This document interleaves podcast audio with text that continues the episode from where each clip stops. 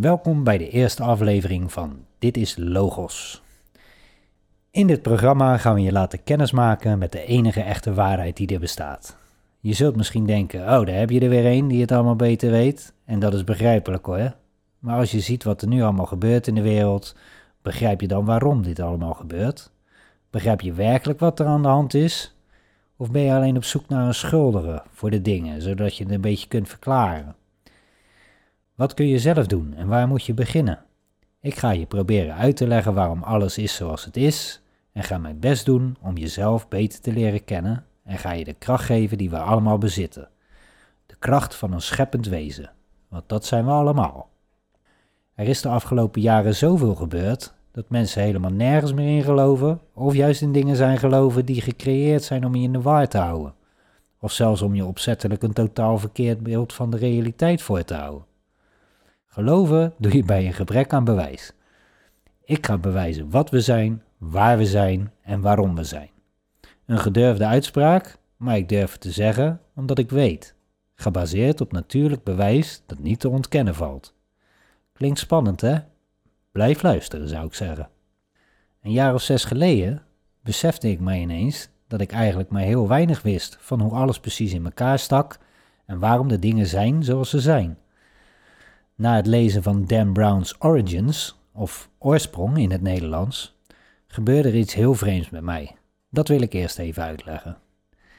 Heerlijk vond ik die boeken van Dan Brown over de grote mysteries met betrekking tot geloof, wetenschap, geheime genootschappen, symbolen, politieke corruptie. Ik verstond ze allemaal, één voor één. En toen kwam de oorsprong. Dit boek geeft een beeld van de toekomst die ons mogelijk te wachten staat en ik kwam voor het eerst echt in aanraking met de transhumanistische gedachte. Dit had ik soms wel een beetje voorbij horen komen, maar dit boek triggerde mij toch om eens wat dieper te gaan kijken in wat wij nu eigenlijk zijn en waar we vandaan komen en waar we mogelijk naartoe zouden kunnen gaan. Ik was op dat moment net de 40 gepasseerd, dus als je wilt kun je het ook gewoon een midlife crisis noemen natuurlijk. Dat zou best kunnen, maar het heeft bij mij geleid tot een bizarre ontwaking die zich uiten in een filosofische zoektocht naar de zin en doel van het leven. Nu een jaar of zes verder ben ik een compleet andere persoonlijkheid geworden met een totaal andere blik op het leven, onze geschiedenis en onze leefomgeving. En nog belangrijker eigenlijk, een heel ander besef van wat nou eigenlijk goed of slecht is. Dit heeft tot erg veel problemen geleid in mijn sociale leven en zeker binnen mijn Jan gezinnetje, zoals je je waarschijnlijk wel voor kunt stellen. Ik ben niet iemand die snel genoegen neemt met iets. En eigenlijk bracht mijn onderzoek in plaats van oplossingen in het begin alleen maar meer vragen en ongeloof. De kennis die ik toen bezat bleek allemaal zeer wankel en ik kwam steeds meer informatie tegen die er volkomen haaks op stond. Hoe was het in godesnaam mogelijk dat alles wat ik geleerd had op school niet 100% de waarheid kon zijn? Ik heb gewoon netjes een HAVO-opleiding goed afgerond en vond mezelf best een slimme vent. Hoe kon het nu dat de theorieën over het bouwen van piramides niet bewezen konden worden en zelfs onmogelijk bleken te zijn? De gereedschappen, materialen, de logistiek, alles bleek niet te kloppen. En de mensen die andere oplossingen voorstelden, werden weggezet als pseudowetenschappers, terwijl hun versie veel realistischer was dan het gebruikelijke narratief. Ik kon het niet verkroppen en sloop mezelf uren op met mijn pc op zolder en graafde en graafde totdat de dingen enigszins begrijpelijk werden voor mij. Ik ben dus echt alles tegengekomen en ik heb alle rabbit holes overhoop gehaald. Pyramides, aliens, de maanlandingen, platte aarde, holle aarde, 9-11, reptilians, vrijmetselaars, kazaren, de wereldoorlogen, satanisme, yogisch, terrorisme, noem het maar op. Ik dook erin en ik spitte het allemaal uit totdat ik ervan overtuigd was dat het klopte. Of zelfs vaker kwam ik erachter dat er helemaal niets van klopte. Eigenlijk iedereen om me heen vroeg zich af wat het nu allemaal voor zin had en dat het allemaal toch niets uitmaakte. Wat heb je er nu aan, zeiden ze allemaal. Ik moest het gewoon weten. Ik kon toch niet zomaar geloven in dingen die niet waar zijn? Dit speelde zich allemaal af toen Donald Trump aan de macht kwam en zelfs het QAnon-gebeuren heb ik op de voet gevolgd. En toen zag ik eigenlijk pas hoe alle media een compleet ander beeld van deze man toonden. En ik besefte mij pas echt hoe groot het apparaat van disinformatie was. Kijk, ik ben tot vele hele afwijkende conclusies gekomen en je mag mij labelen als alles wat je wilt. Een wappie, een QAnon-aanhanger, een antivaxer, een flat earther, een bedweter, gestoorde gek, een geitenwolle sokken vegan, een hippie, een blower, een alcoholist, een terrorist, een gelovige, een atheïst, een nazi, een extremist en weet ik veel wat. Wanneer je dat doet, vraag jezelf dan af waarom je dat doet. Ken je mij? Waarschijnlijk niet, dus doe je het misschien alleen omdat je niet resoneert met de informatie die ik je schenk. Ik zit hier niet om je naar de mond te praten, maar om je te informeren en je wat meer grip te bieden om de huidige situatie beter te begrijpen en je leven in je eigen handen te nemen. Wij zijn de creators van deze realiteit en we maken er een bende van. Je hebt alleen maar invloed op het gedrag van één persoon in deze wereld en dat ben je zelf. Het mooie is dat je kan zijn wie je wilt en je hoeft niet te zijn wat anderen willen. Het is al moeilijk genoeg om jezelf te zijn en velen weten nog niet eens wat ze werkelijk zijn. Een goed voorbeeld hiervan is dat wij geleerd worden dat wij omnivoren zijn. Dat wordt ons al snel geleerd. Dit zijn wij niet. Volgens de evolutie is de mens een frugivore of een fructivore. Fructivore, wat? Heb ik nog nooit van gehoord. Ja, echt. Het wordt ons niet eens verteld welk soort wezen we eigenlijk zijn en hoe we ons het beste kunnen voeden. Een orang-oetan bijvoorbeeld is ook een frugivore. Ga het maar na, je vindt het zo. Fructivoren eten voornamelijk fruit, noten en zaden. En vlees is eigenlijk heel belastend voor ons spijsverteringssysteem. Kijk, dat is het. Je moet het zelf willen weten wat je bent. Anders geloof je maar wat je verteld wordt en eet je je hele leven dingen die eigenlijk alleen maar energie kosten en komt je lichaam nooit in optimale staat. Sorry dat ik je dit moet vertellen. Ik weet dat haast niemand dit weet. Maar dat is juist mijn punt. Sinds de coronacrisis besefte ik mij dat alle kennis die ik de afgelopen jaren had opgenomen gedeeld moest gaan worden, om de mensen een wat verhelderende visie op de werkelijkheid te geven. Dankzij Radio Gletscher is er nu een mooi medium om al deze dingen te delen en hopelijk goed over te brengen, zodat iedereen een meer gebalanceerde keuze kan maken in wat ze wel of wat ze niet willen geloven. Geloven doe je eigenlijk pas bij gebrek aan bewijs. Dus zullen wij hier bij Dit is Logos de bewijzen gaan leveren over hoe het leven en onze leefomgeving eigenlijk functioneren. En dit gaan we doen door het uitleggen van natuurlijke wetenschappen die al sinds jaar en dag verborgen worden gehouden voor het gewone volk.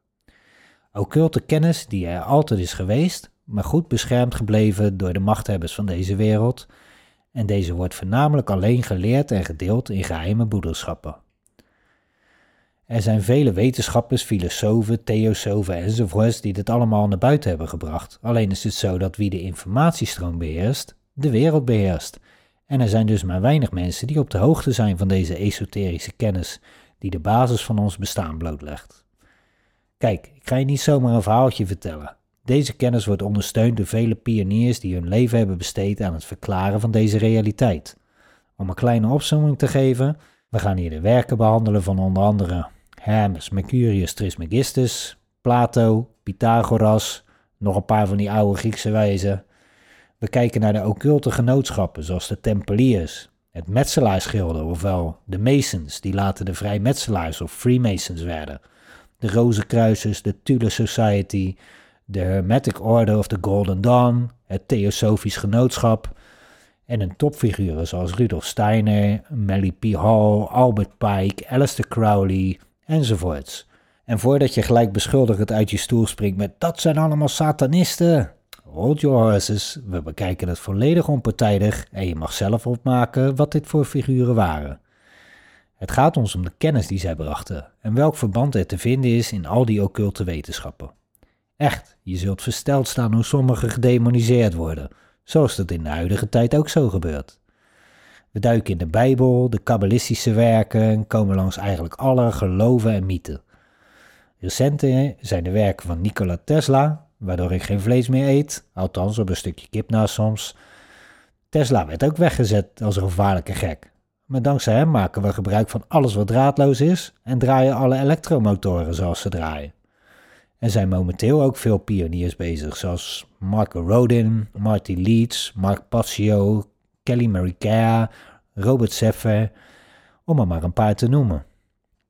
Kortom, een scala aan hele bijzondere mensen waaraan deze wereld heel veel te danken heeft. Eerlijk gezegd zijn er ook maar weinigen die de moeite willen doen om iets te doorgronden. En dat is geen persoonlijk verwijt hoor naar iemand, maar meer een constatering van het bizarre effect van gedrags- en gedachtenmanipulatie, die een grote rol speelt bij het ontwikkelen van onze honger naar afwijkende kennis vanaf onze geboorte. Andersdenkenden zijn bij voorbaat gedoemd om een eenzame weg af te leggen om deze kennis te doorgronden. Want dat is raar volgens de massa, en wij willen niet raar zijn, maar we worden graag geaccepteerd door onze medemens. Nou, dit was even genoeg voor de inleiding over mij. Laten we wat uitzetten wat de bedoeling is van dit programma en wat we allemaal van plan zijn hiermee. We zijn hier om tot de waarheid te komen. Niet alleen mijn waarheid, en de waarheid ligt ook niet altijd in het midden. We hebben het hier over de waarheid. De waarheid, ofwel logos, is er altijd geweest, is er nu en zal er altijd zijn. De waarheid geldt voor iedereen en is overal en onbeperkt. Dit noemen we transcendente waarheid. En om die te onthullen gaan we je de komende weken overladen met kennis die eigenlijk op de basisschool aangeleerd zou moeten worden. Wij zullen regelmatig deze radioshow brengen met steeds een nieuw thema in een duidelijke volgorde, waardoor langzaam alle puzzelstukjes op een plaats gaan vallen. De onderwerpen die we gaan behandelen zullen soms wat visuele ondersteuning nodig hebben om het goed uit te leggen. Dus een gedeelte van dit programma zal ook te zien zijn in een YouTube-video waarin we de gesproken tekst vanuit dit programma ondersteunen met beeld. Wanneer we dieper ingaan op numerologie, geometrie en gematria, is het af en toe nodig om dit grafisch te ondersteunen en bovendien delen we dan deze informatie ook gelijk op video. Dit kun je na de show of tegelijkertijd afspelen en misschien nog een keer terugkijken om een uitleg beter te begrijpen of om te delen met geïnteresseerden. Het kanaal heet Dit is Logos en de video vandaag is Waar komt wetenschap vandaan? Deze zullen we zo meteen instarten, dus mocht je mee willen kijken, pak je even een andere device erbij en kun je de video starten op het moment dat ik zeg start de video. Dit gedeelte gaat dieper in op het woord en het filosofische principe van logos en hoe dit de basis van alle wetenschap is. De basis van wetenschap komt neer op nummers. Sommigen zullen dit bestrijden, maar hoe wil je een wetenschap bedrijven als je geen gebruik zou kunnen maken van nummers om je bevindingen te registreren, te meten en uit te rekenen om tot bepaalde conclusies te komen? Kortom, nummers en geometrie staan aan de basis van alle kennis. En dit wisten ze duizenden jaren geleden al. Laten we maar eens gaan luisteren en kijken misschien. Start de video. Waar komt wetenschap vandaan? De definitie van wetenschap is alle menselijke kennis, inclusief alle manieren om tot deze kennis te komen. En wat heeft Logos daar nou mee te maken? Om dit te beantwoorden moeten we het verband zien te vinden tussen de oude filosoof Heraclitus, het magazine van de Groot Loge van de Belgische vrijmetselarij en zelfs een schip uit de science fiction film The Matrix. Heraclitus van zo'n 500 jaar voor Christus heeft zeg maar het woord logos geïntroduceerd zoals wij dat in onze taal gebruiken. Hij vond een woord uit voor de goddelijke kennis die alles doorkruist en overal in schuilt. Zou dit de mysterieuze kracht zijn die de huidige wetenschap vol ingewikkelde theorieën maar niet kan verklaren, zelfs na duizenden jaren wetenschap? Volgens Wikipedia heet het tijdschrift van de Belgische Grootloge der Vrijmetselaars toevallig ook Logos.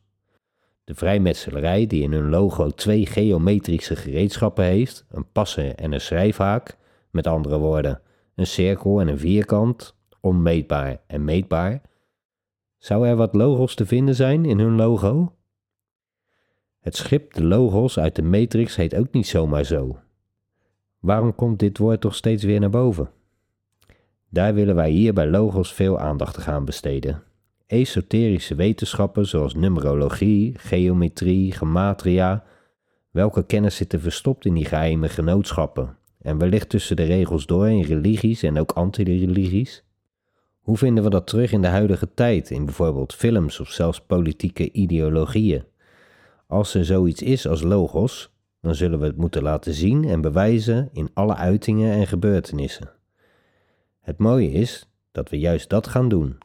Dus ik zou zeggen abonneren en delen, want dit ga je nergens anders horen.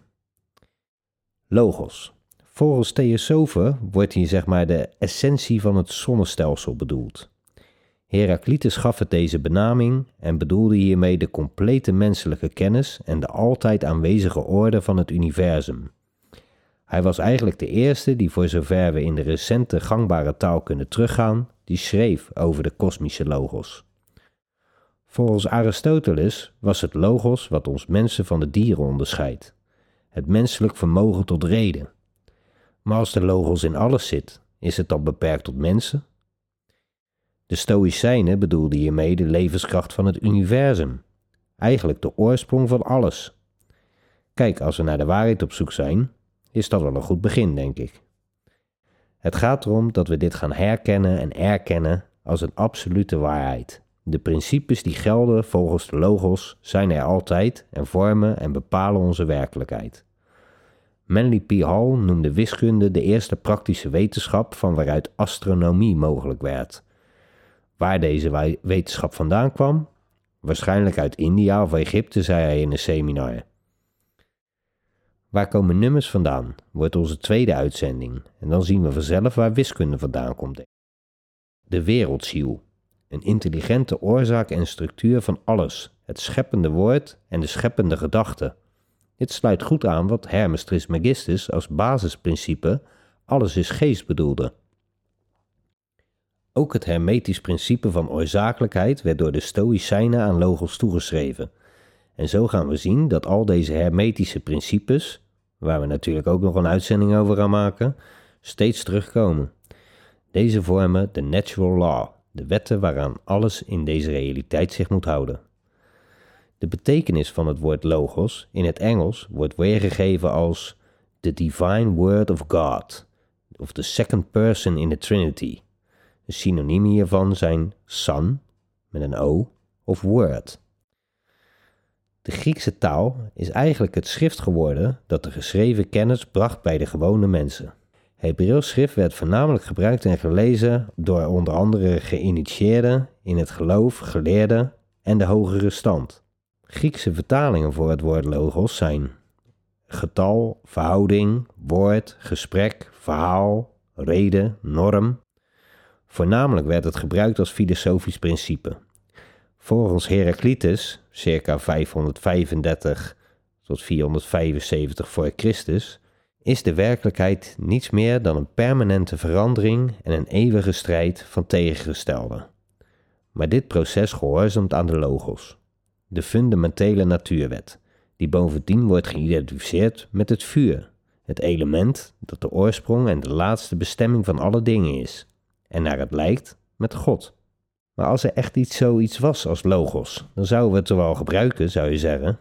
De mensen die hier kennis van hebben, gebruiken het ook op heel veel manieren. Het hele principe is occult gegaan, maar bewaard gebleven voor degenen die de moeite nemen om het te proberen te begrijpen. For those who have ears to hear and eyes to see. Het zit in ieder geval diep verweven in ons dagelijks taalgebruik. Waar vinden wij het in onze taal?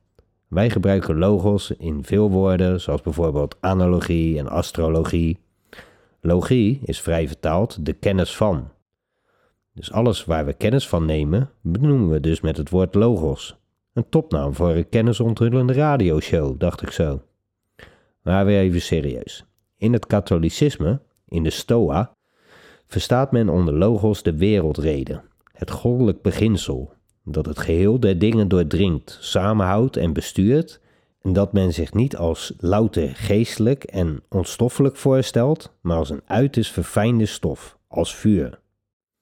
Ook in verschillende Hellenistische mysterieën kent men het begrip logos. Het duidt daar op de geheime leer van het mysterie. Geheime, occult, mysteries, nou, daar zijn we hier voor, toch? Philo van Alexandrië een Hellenistisch-Joods filosoof, stelde Logos niet gelijk aan God, maar meer als een boodschapper van God, of de zoon van God. Logos als synoniem voor Jezus, zeg maar. Je hoort wel vaker dat de Bijbel gecodeerd is geschreven en ook die bewering gaan we hier bij Logos uitleggen.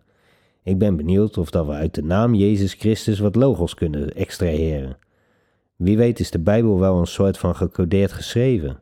Dat zou wel bizar zijn als we dat kunnen bewijzen. Nou, zo bizar zijn we dus, en dat ga je hier allemaal horen. Met het ontleden van de Bijbel heb je vier manieren waarop deze kan worden uitgelegd. Je hebt letterlijk of literair, moralistisch, allegorisch en anagogisch, ofwel de mystieke uitleg. Klein tipje van de sluier, gematria is een hele bijzondere occulte wetenschap die letters omzet in nummers. En daar hebben ze bij het schrijven van de King James Version Bible zeker rekening mee gehouden. Dat is in de naam Lord Jesus Christ heel goed aan te tonen met het gebruik van Engelse gematria, gebaseerd op een zevenvoudig natuurwetenschappelijk ondersteund cijfer in het Engelse alfabet. Zoals gezegd doen we hier nog een complete uitzending over in de nabije toekomst. Oké, laten we eens kijken wat de christenen over logos te vertellen hebben. In het christendom wordt het evangelie van Johannes, het Griekse woord logos, vervangen door het woord. In het begin was het woord, het woord was bij God en het woord was God. In the beginning was the word and the word was with God and the word was God. In Genesis 1:3 wordt ons verteld dat God het licht in onze realiteit sprak. Dan gebruik je het woord natuurlijk. And God said, let there be light, and there was light. In Johannes 1:14 wordt het woord, ofwel logos, vlees geworden. Kennelijk zijn we volgens de Bijbel dus ontstaan uit het woord, ofwel uit de logos. And the word was made flesh, and dwelled among us, and we beheld his glory, the glory as of the only begotten of the Father, full of grace and truth. Truth, waarheid. Daar zijn we bij Dit is Logos naar op zoek. Om even een mystieke benadering te geven en uit te leggen hoe die zogezegde codering op meerdere manieren wordt toegepast, kijken we naar de eerste drie woorden van Genesis. In the beginning. Dit bestaat uit drie woorden en veertien letters. 3,14 is een referentie naar het wiskundige principe pi, ofwel de cirkel, het oneindige of het onmeetbare. Alles is daaruit begonnen en dat vertellen de eerste drie woorden van Genesis ons op een mystieke wijze. Erg opvallend ook dat onze huidige wetenschap niet in staat is pi op te lossen, zelfs niet met de huidige computerkracht. En hier begint de Bijbel dus mee, mensen. Het gebruik van verschillende Bijbels en vertalingen leidt altijd tot misverstanden. En daarom gaan wij altijd terug naar de King James Version Bible. Dit heeft een speciale reden. En deze zal ik beter uitleggen in een uitzending volledig over dit onderwerp. Het heeft in ieder geval te maken met het ontwerpen van deze versie. Ik ben van mening dat de occulte wetenschappen zoals gematria in deze eerste vertaling vanuit het Grieks het beste te zijn herleiden. Maar hierover gaan we een heel programma maken en deze zal je echt versteld doen staan, dat beloof ik. Het woord logos wordt in de Engelse vertaling vanuit het Grieks hier drie keer vervangen door het woord. Ook het nummer 3 zullen we vaak terugzien en speelt een belangrijke rol in onze lessen occulte geheimschrijverij over spiritualiteit. De Christologie, de kennis van Christus, houdt zich sinds het begin bezig met de drie-eenheid. Dit is in verband met reïncarnatie. De heilige drie-eenheid zal een rode draad zijn in onze reis langs alle religies, mythes en occulte wetenschappen die we gaan bespreken bij Dit is Logos. Zo zijn we weer terug bij Trinity uit de Matrix. Alleen met de hulp van Trinity, de drie-eenheid, kan Neo zijn doel bereiken en de duisternis overwinnen. De logos en de Trinity zijn kennelijk essentieel in de verlichting van Neo, de nieuwe mens. Het woord essentieel komt trouwens van de Essenen, een mystiek Joods volk uit de tijd van Jezus Christus. Deze afwijkend gelovende Joden werden vaak gezien als mystici en hele gevaarlijke complottheorieën zeggen zelfs dat Jezus een Esseniër was. Het woord essentieel krijg je toch mee een iets zwaardere lading, vind ik. Er is heel veel fonetisch te herleiden uit woorden en dit is echt leuk. Er zitten allemaal kleine pareltjes in onze taal die eigenlijk veel meer vertellen dan dat wij denken. Zoals bijvoorbeeld het woord vijf of five in het Engels. Hierin hoor je duidelijk phi, een wiskundige constante die je kunt onttrekken uit het pentagram. Ja, die duivelse vijfpuntige ster. We gaan hier bij logos zien hoe en waarom deze symbolen gebruikt worden en wat ze volgens de natuurlijke wetenschappen betekenen. Dat is logos, het herkennen van de logica van de creatie in al zijn uitingen. Zeker in taal zit een hoop esoterische kennis, al ligt het niet altijd voor iedereen aan de oppervlakte.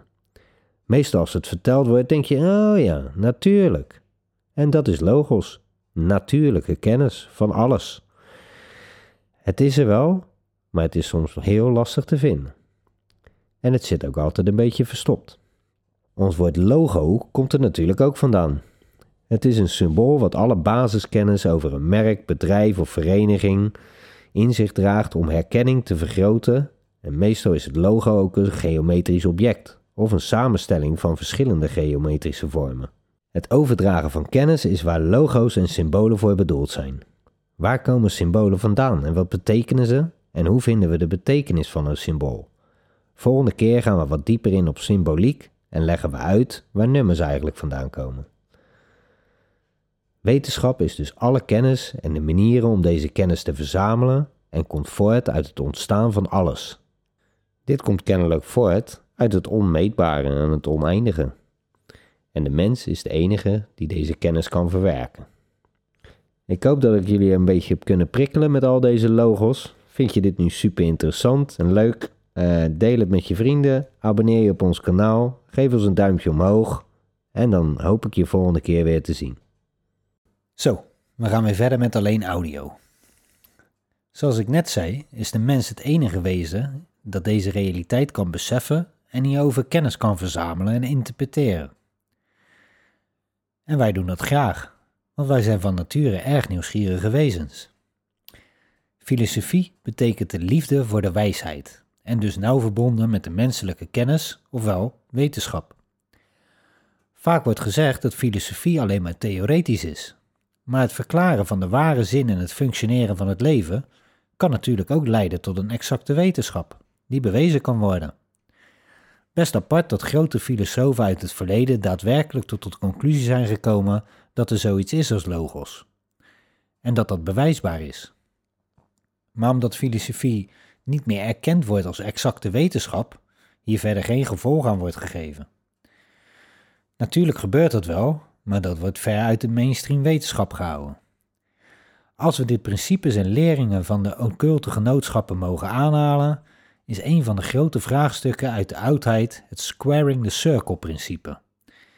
Dit houdt bij de exacte wetenschap in dat gepoogd wordt de oppervlakte van een vierkant gelijk te krijgen met die van een cirkel. Dat is wiskundig en geometrisch inderdaad onmogelijk, zoals vaak berekend en bewezen. Nou, dan is het toch gewoon zo, zou je zeggen. Het gaat erom dat dit vraagstuk zich niet alleen exact of wiskundig manifesteert, maar ook filosofisch. Er is een geometrisch trucje om het vierkant gelijk te stellen met een cirkel en dit doe je door invoegen van een driehoek. Deze driehoek heeft dan in verhouding dezelfde dimensies als de piramide van Giza. Huh? Wat? Ja, apart hè? We zullen dit in een latere uitzending met ook weer een video eens grafisch laten zien. Maar toch wel bijzonder hè, dat de afmetingen en hoeken van die mysterieuze piramides terugkomen in een eeuwenoud vraagstuk, namelijk Squaring the Circle. Maar hierover later nog meer, zoals gezegd. De vraag waarom en waarvoor deze piramides ooit gemaakt zijn, wordt steeds interessanter, of niet? Als we dit vraagstuk volgens de mystieke esoterische kennis bestuderen, komen we erachter dat dit principe op meerdere manieren kan worden uitgelegd dan alleen een wiskundig of geometrisch probleem. De cirkel staat hier, zoals in vele Bijbelstudies beschreven, als de hemel, het onmeetbare en het oneindige. Wat wiskundig ook klopt natuurlijk. Pi is onmeetbaar en oneindig, en dit moet je gebruiken om een cirkel te berekenen. Het vierkant staat in deze studies beter bekend als de aarde. Meetbaar en tastbaar en niet oneindig, maar exact. Eigenlijk is dit dus het principe van het samenvoegen van hemel en aarde. En dit is waar de mens eigenlijk altijd al mee bezig is geweest. Het verklaren van de onaantastbaarheid en oneindigheid van de hemel. En dit exact maken, zodat we het wel kunnen begrijpen. Wellicht denk je dat we alles verklaard hebben, omdat we tegenwoordig de hemel en de ruimte al lang ontdekt hebben, met ruimtereizen, telescopen en zo. Maar als je eerlijk bent, zijn dit eigenlijk allemaal aannames, waarvan wij zelf geen bewijs kunnen leveren. En dat zullen we persoonlijk ook nooit kunnen. Zoals eerder gezegd, is de logos bereikbaar voor iedereen en dus ook voor mensen die geen ruimteschip of telescoop in de tuin hebben staan. Logos is de kennis die voor iedereen toegankelijk moet zijn op elk moment. Wij zijn ermee geboren en het was al voor onze tijd. En het zal na onze tijd ook altijd zo blijven.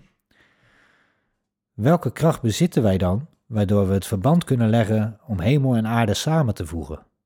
Het antwoord is eigenlijk heel simpel en natuurlijk zoals logos hoort te zijn. Wat zie je als je naar de horizon kijkt? Juist, we ervaren de samenkomst van hemel en aarde.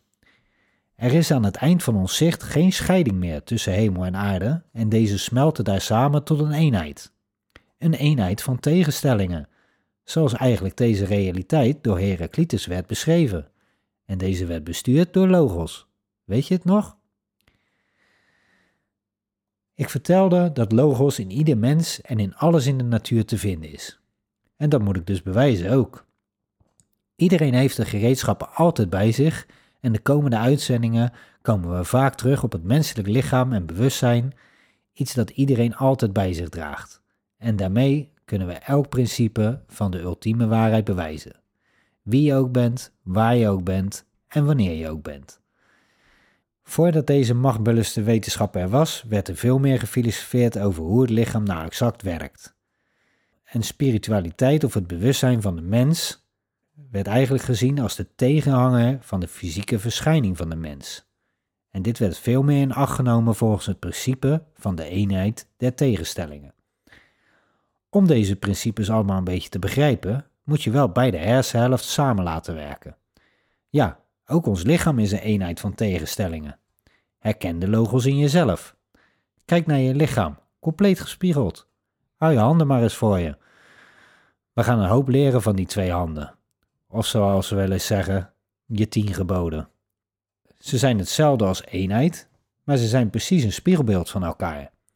Als je bidt of groet met namaste, maak je een eenheid van tegenstellingen. Begint het al een beetje duidelijk te worden? Laten we eens kijken naar je hersens. Je linkerhelft denkt praktisch en volgens ratio, mannelijk kun je ook zeggen. En je rechterhelft is creatief en vol compassie, ook wel de vrouwelijke helft genoemd. De basisprincipes uitgelegd in het Corpus Hermeticum, een verzameling van de werken van Hermes Trismegistus, zijn er altijd. En daar is echt geen ontsnappen aan. Wij als mens kunnen dus alle hemel en aarde verbinden. En dat doen we altijd al. Je kunt er niet omheen. De unity of opposites is een basis van onze natuur en een absolute waarheid. Hier hoef je niet in te geloven, want het is gewoon zo. Het was altijd zo en het zal altijd zo zijn. Een goddelijke waarheid, ofwel a divine truth. Dit is erg belangrijk, want dit vertelt je dat hoe slecht of hoe angstig iets ook is, zijn tegenhanger is er ook altijd en is goed en liefdevol en zeker ook aanwezig. Als mens heb je de controle over je emoties. Het woord emoties kun je uitleggen als energiebewegingen.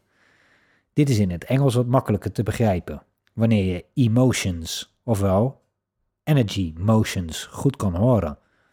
Wellicht kun je op deze manier beseffen dat je zelf bepaalt welke energie je voelt. Als je slechte energie voelt, dan weet je ook dat je deze kunt vervangen door goede energie. Ze komen zo gezegd uit hetzelfde pakket en ze zijn spiegelbaar. Jij bent de baas over al die eenheden emoties. Kennis hierover leert je je emoties te beheersen en dat is best prettig in het complete gekhuis waar we ons nu bevinden momenteel. Nou, ik denk dat dit wel voldoende is voor een eerste uitzending van Dit is Logos. Ik wil jullie achterlaten met wat poëzie of gedichterij of hoe je het ook wilt noemen. Het komt soms zomaar in mijn hoofd en wat je krijgt moet je delen. Want meneer Swaap kan het principe wel willen stelen, maar ik denk dat het op een natuurlijke manier, anders dat hij het wil verwezenlijken, wel zo werkt. You will own nothing and be happy. Vraag maar eens na aan een yogi of een Tibetaanse monnik. Als alles uit het niets bestaat, is er dan niets dat ooit verloren gaat? Om uit het niets alles te worden, is alles toch echt spontaan geboren? Er is toch niets dat zomaar ontstaat? Wat is dan die energie die nooit verloren gaat? Die drijvende kracht van het geheel, is dat dan niets of juist heel veel? Niet te bevatten en nog nooit echt ontdekt, wel altijd aanwezig. En dat verdient ons respect. Het vuur, het licht, de force, tja, zegt u het maar. Eén ding is zeker, het is er, dat is waar. Vrees niets, maar gedraag je, want in elke hoek karma, een natuurwet, altijd op bezoek. Dank voor jullie aandacht en ik hoop dat de zintuigen goed geprikkeld zijn. Zegt het voort, Radio Gletscher met Dit is Logos, een programma vol pure logos en dat staat voor lessen occulte geheimschrijverij over spiritualiteit. We zijn er zo snel mogelijk met een nieuwe uitzending. Volgende keer, waar komen nummers vandaan? Weet jij het? We gaan het zo goed mogelijk uitleggen en laten zien dat zoals Pythagoras al zei, all is number, een gecodeerde realiteit die te ontcijferen valt. Wij gaan het je leren. Tot volgende keer. God bless, namaste en een prettige avond verder.